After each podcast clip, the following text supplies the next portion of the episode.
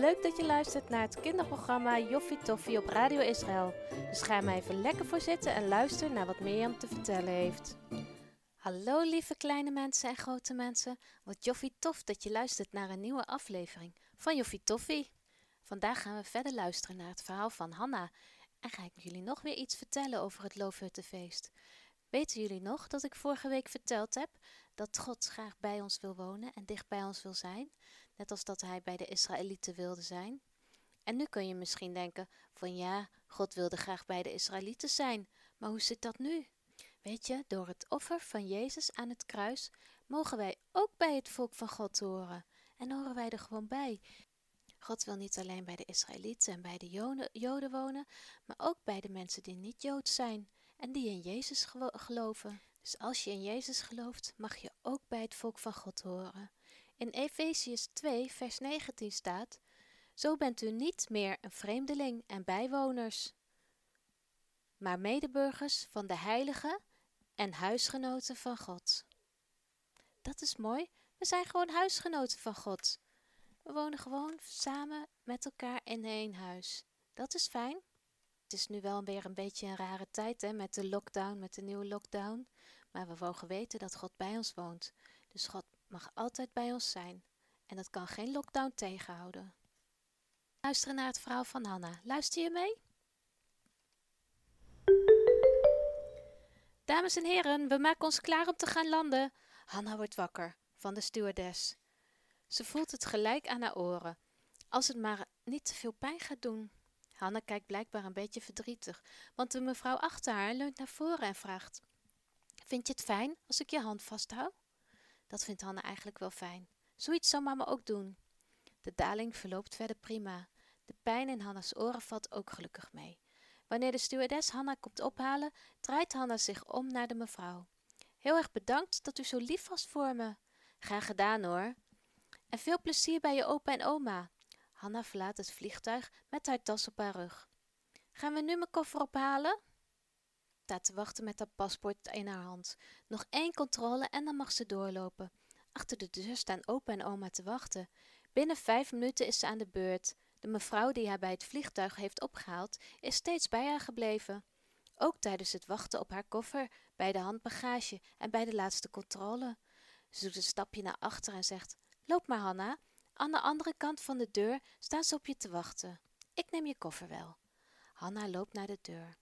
Die gaat open en recht voor haar neus, achter een soort hekje, staan opa en oma. Lieverd, roept oma. Wat heerlijk dat je er bent. Oma loopt als eerst op Hanna af en geeft haar een dikke knuffel. Opa loopt er achteraan en geeft Hanna een zoen. Welkom in Israël. Hanna kijkt even naar haar opa en haar oma. Wat gaaf dat ze er is. En wat heeft ze hen gemist? Ze geeft oma nog een knuffel en opa een hand. Met z'n drieën lopen ze naar de uitgang. Eenmaal in de auto merkt Hanna dat ze een beetje moe is. Maar slapen wil ze niet. Er is veel te zien vanuit de auto. Als ze wat dichter bij de stad komt, ziet Hanna allemaal partytenten. Dat is apart, denkt Hanna. Zouden de mensen die hier als een loofhut gebruiken? Het ziet er niet echt gezellig uit. De loofhut die opa en oma vroeger maakten met papa, was echt van echte takken gemaakt. Opa, heeft u al een loofhut staan? Hanna hoopt dat het een echte is en niet zo'n saaie tent van plastic. Nee, lieverd, we hebben op jou gewacht. Morgen gaan we de loofhut neerzetten. En jij mag natuurlijk meehelpen. Net als vroeger, zegt Hanna. Waarom zijn jullie eigenlijk verhuisd? Opa kijkt oma aan. Je oma en ik wilden heel graag in het land wonen dat God al aan Abraham, Isaac en Jacob beloofd had. We missen jullie natuurlijk, maar we vinden het heel fijn om hier te wonen. En vanaf nu kun je vaker komen want je bent een echte wereldreiziger, Hanna Fontijn. Opa kijkt haar aan door de achteruitkijkspiegel. Hij glimlacht. Nog een paar bochten en de auto stopt. Opa parkeert de auto langs de stoep. Hier is het, Hanna. Herken je het van de foto's en van de filmpjes die we je stuurden? Ja, Hanna herkent het inderdaad. De mooie witte stenen, het ijzeren hek en de mooie bloemen. Met een trapje kom je bij de voordeur van het huis. Opa pakt Hanna's koffer en dan lopen ze samen naar binnen. Oma heeft wat lekkers gebakken en dat eten ze gezellig op met wat drinken erbij. Die avond gaat Hanna op tijd naar bed.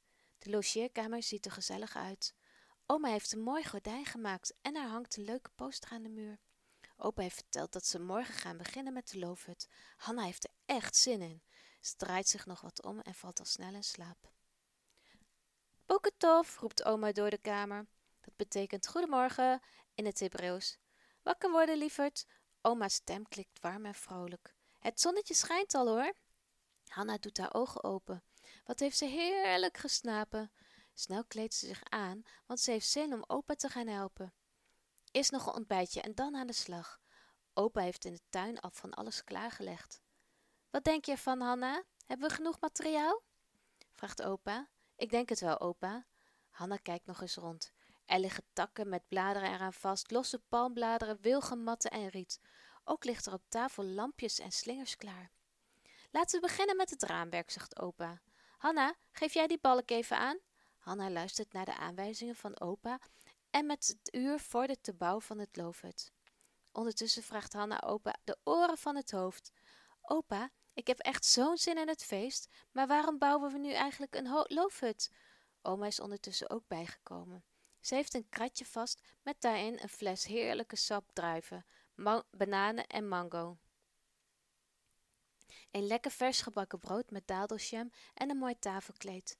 Dit wordt onze eerste maaltijd in de loofhut. Heerlijk voedsel gekregen van God. Hij zegent ons en dat hoort bij het feest. We noemen het ook wel het oogstfeest. Ja, zegt Hanna, dat snap ik wel. God is de gever van alles. Maar waarom bouwen we een loofhut? Dan gaat opa dat vertellen. Hanna, je kent het boek Leviticus toch wel? Hanna knikt. In dat boek heeft God geschreven over zijn feesten. Het zijn feesten voor Joden en voor iedereen die in de God van in Abraham, Isaac en Jacob gelooft. Echt? vraagt Hanna. Dat had ze nog niet eerder gehoord. Het zijn dus niet alleen onze feesten. Nee, lieverd, iedereen mag erbij horen. Dit feest helpt ons te herinneren dat God voor het volk Israël zorgde toen het in de woestijn was, na de bevrijding uit Egypte. Trokken er allerlei andere mensen uit verschillende volken met de Israëlieten mee. God ging voor hen uit en zorgde voor hen. Ze kregen elke dag precies genoeg. Daarom moesten ze later in de week in tenten wonen. Geen luxe, maar alleen het hoog nodig om te denken aan de zorg die God voor hen heeft. De loofhut of tent moest niet al te stevig zijn. Het was de bedoeling dat je door het dak nog wat van de sterren kon zien, zodat je omhoog naar de hemel kon kijken. Naar God. Wanneer je dan in je loofhut was, kon je eraan denken dat deze wereld er niet voor altijd was. Het is tijdelijk. Opa stopt even met praten en kijkt oma aan. Hanna, als de Messias terugkomt, Jezus, dan zal hij vrede brengen en alles goed maken wat nu nog niet goed gaat. Mooi hè? Dan komt het hemels koninkrijk ook op aarde. Hemel, Hanna heeft dit nog nooit zo gehoord. Ze vindt het mooi wat opa vertelt. Hanna kijkt even opzij. Opa stort het Opa, stort die loofhut niet zomaar in elkaar? Hij ziet er niet zo heel erg stevig uit. Nou, dat is nou precies het mooie. Als we naar onze loofhut kijken, dan zien we een hutje dat haast geen bescherming kan geven. En dat helpt ons te denken aan God. Niemand kan ons beschermen behalve God. Dit hutje is tijdelijk en zal uiteindelijk niet blijven staan. Zo is het ook met ons leven. Maar geloven we dat in God, ik weten dat Hij ons beschermt en altijd bij ons zal zijn. Zo, lieverd, zegt oma. Dan gaan we nu heerlijk in de loofhut zitten en even wat uitrusten. Vind je dat een goed idee? Dat vindt Hanna fijn. Kan ze even nadenken over wat ze net allemaal gehoord heeft. Oh, dat klinkt leuk hè, een loofhut maken. Dat zou ik eigenlijk ook wel weer eens willen. Dat heb ik al een tijdje niet gedaan. Misschien kunnen we volgend jaar met Loofhuttenfeest allemaal wel een loofhut maken. Dat zou gezellig zijn. Ik ben benieuwd hoe het verhaal verder gaat. Luisteren jullie volgende week ook weer? Tot dan! Dit was Joffie Toffie, het kinderprogramma van Radio Israël. Wil je nog graag iets kwijt? Stuur ons dan gerust een berichtje op joffietoffie.radioisrael.nl De presentatie was in handen van Mirjam en we vonden het joffie tof dat je luisterde en hopen dat je er volgende keer weer bij bent.